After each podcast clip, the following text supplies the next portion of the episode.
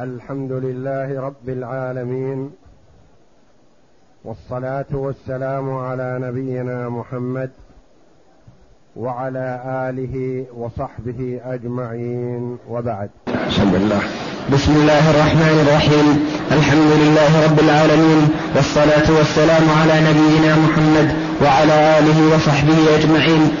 قال المؤلف رحمه الله تعالى فصل وإن وصى بحنطة فزرعها أو طحنها أو بدقيق فخبزه أو بخبز ففرده أو جعله فتيتا أو بشاة فذبحها أو بثوب فقطعه قميصا أو بخشب ثم نجره بابا أو بقطن فغزله أو بغزل فنسجه كان رجوعا لأنه أزال اسمه وهيأه للانتفاع به.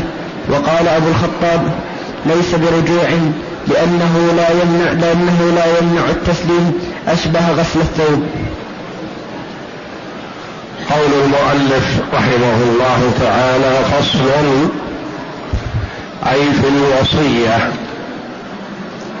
وعنون لهذا الفصل بالباب باب الرجوع في الوصية وذكر تحت هذا الباب فصول من تصرفات الموصي هل يعتبر هذا التصرف رجوعا في الوصية أم أن الوصية بحالها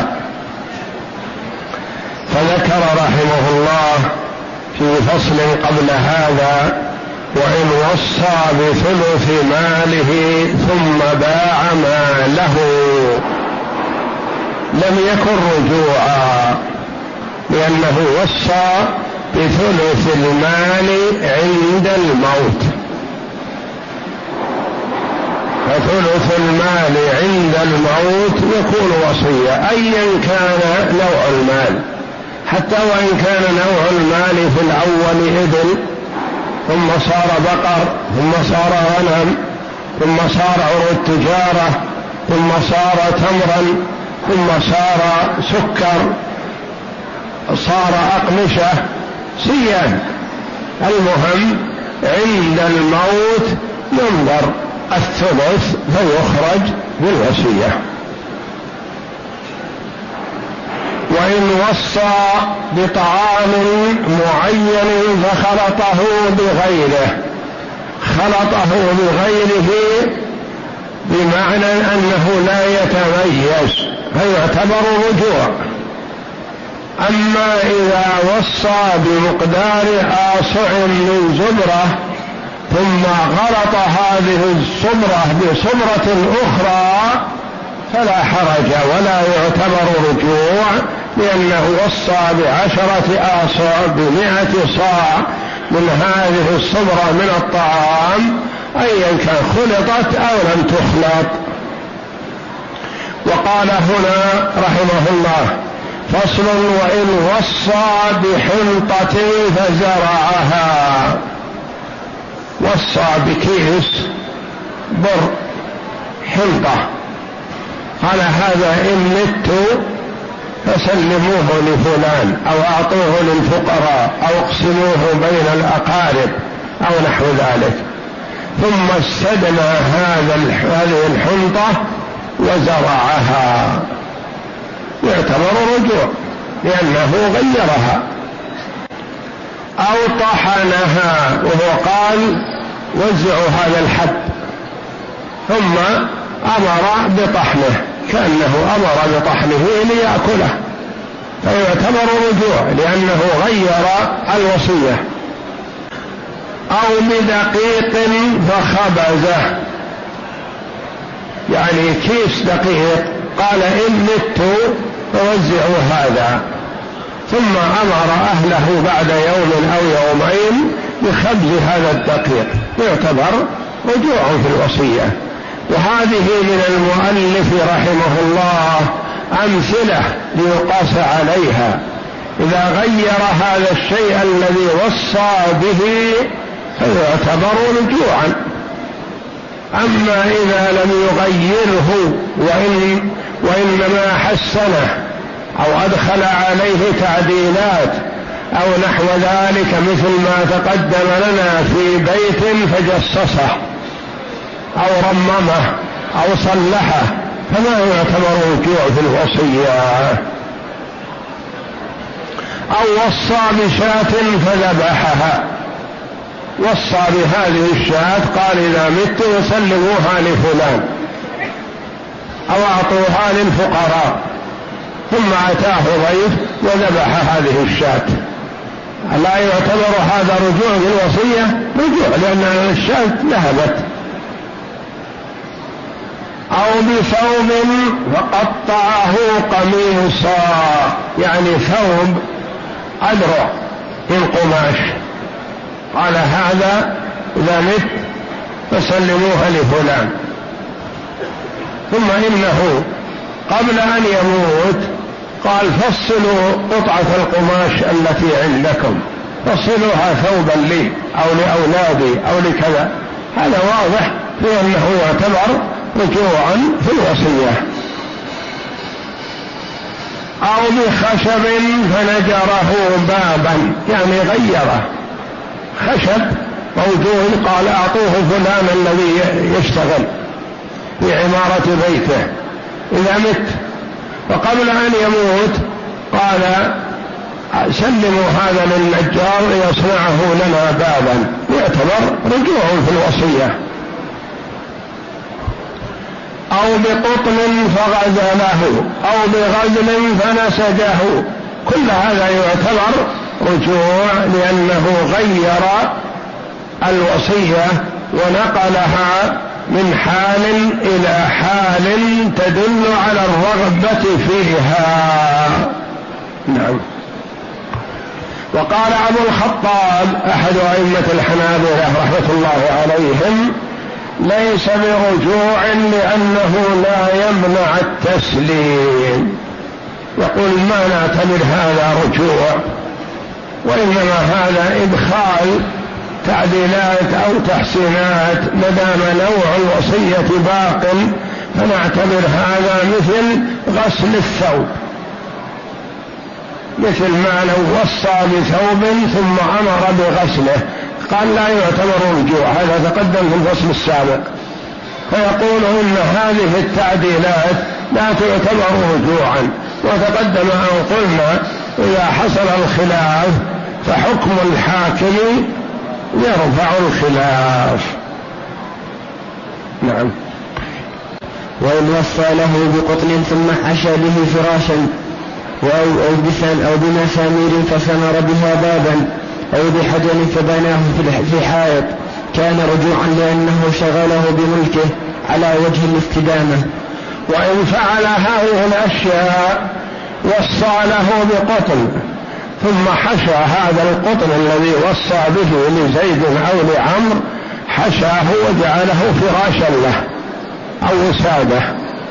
يعتبر رجوع لأنه غير من كونه قطن إلى ان جعله فراشا له وهذا يراد به الاستدامة. أو بمسامير فسمر بها أبوابه أو بحجر فبنى بها به جداره. أو نحو ذلك. هذا يعتبر رجوعا لأنه استدخلها في ملكه بحيث أنه ما يراد بها الإخراج والفصل وإعطاء الغير وإنما دخلها في ملكه دخولا ثابتا. نعم. وإن وصى له بعنب فجعله زبيبا فيه وجهان أحدهما يكون رجوعا لأنه أزال اسمه والثاني ليس برجوع لأنه أبقى له وأحفظ على الموصى له. وإن وصى له بعنب ثم إنه قبل موته أمر بأن ينشف ويجفف هذا العنب بحيث يصير زبيب هذا هل يعتبر رجوع أو لا يعتبر رجوع؟ منهم من قال يعتبر رجوع لأنه غيره وصى بعنب والآن أصبح زبيب ومنهم من قال لا يعتبر رجوع لأن كونه زبيب أحفظ له. العنب ما يبقى إلا أيام قلائل. وأما الزبيب فيبقى سنة وأكثر ما يضره. فهذا من باب الحفظ فلا يعتبر رجوعا في هذا التغيير. نعم. وإن وصى بدار ثم هدمها كان رجوعا في أحد الوجهين وفي الآخر لا يكون رجوعا بناء على ما اطحن الحنطة. و وإن وصى له بدار ثم هدمها وصى له بهذه الدار ثم هدم الدار وبناها وصى بها وهي دار قديمة هدمها وجددها. قال يعتبر رجوع أو لا يعتبر رجوع فيه قولان. والأولى مثل هذا أن لا يعتبر رجوع لأنه وصى بالدار والدار أدخل عليها التحسينات بدل ما هي قديمة هدمها وجددها حتى إذا تصدق بها تكون أنفع للمتصدق عليه. نعم. وإن انهدمت بنفسها فكذلك إذا زال اسمها وإن لم يزل اسمها فالوصية له ثابتة فيما بقي وفيه وفيما انفصل وجهان. وإن انهدمت يعني ما هدمها هو هل تبطل الوصية أو لا؟ يقول فيه وجهان.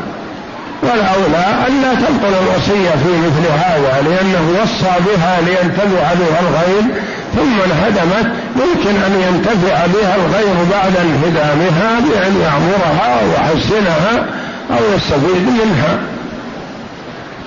يقول فكذلك إذا زال اسمها يعني أصبحت من كونها دار مسكونة أصبحت خربة أقول قد يكون الأرض والموقع مراد.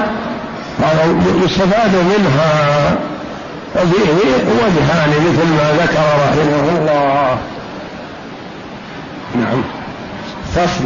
وإن وصى بأرض ثم زرعها لم يكن رجوعا لأنه لا يراد للبقاء وقد يحفظ قبل الموت. وإن وصى بأرض مثلا قال هذه الأرض بعد موتي تكون مسجد. أو هذه الأرض بعد موتي تؤمر مدرسة أو تؤمر مستشفى أو تسلم لجمعية تحفيظ القرآن أو تسلم لجمعية البر. ثم إنه قبل موته زرع الأرض. ما يعتبر هذا رجوع لأن الزرع في الغالب ما يراد به البقاء والاستمرار الزرع أشهر. والمرء يعمل في هذه الحياة ما دام حيا فإنه يعمل ويريد أن يستفيد من أرضه هذه فإذا مات تسلم للجهة التي وصى بها لها. فالزراعة ما تمنع الوصية بل تكون وصية لحالها لأن الزراعة تختلف عن الغرس. الزراعة ما يراد بها الاستمرار وإنما هي أشهر بخلاف الغرس فهو في الغالب للاستمرار والبقاء وفيها خلاف. نعم. وإن غرسها أو بناها ففيه وجهان أحدهما يكون رجوعا لأنه, لأنه جعلها لمنفعة مؤبدة والثاني لا يكون رجوعا لأنه استفاء منفعة أشبه الزراعة. وإن غرسها أو بناها هل يعتبر رجوع أو لا يعتبر؟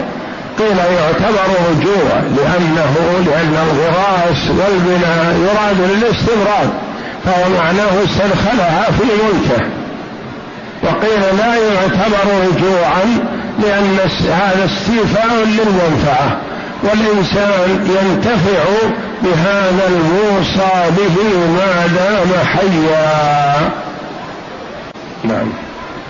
وإن وصى له بسكنى داره سنة ثم أجرها فمات قبل انقضاء الإجارة ففيه وجهان أحدهما يسكن سنة بعد انقضاء مدة الإجارة لأنه موصل, لأنه موصل له بسنة والثاني تبطل الوصية بقدر ما بقي من مدة الإجارة وتبقى وتبقى في الباقي. وإن وصى له بسكنى دار لمدة سنة. قال إذا مت يسكن فلان في هذه الدار سنة أو سنتين أو عشر ثم تعود للورثة. فمات فأجرها بدل ما كونها خالية أجرها. فمات في أثناء مدة الإجارة. هذه المسألة قولان.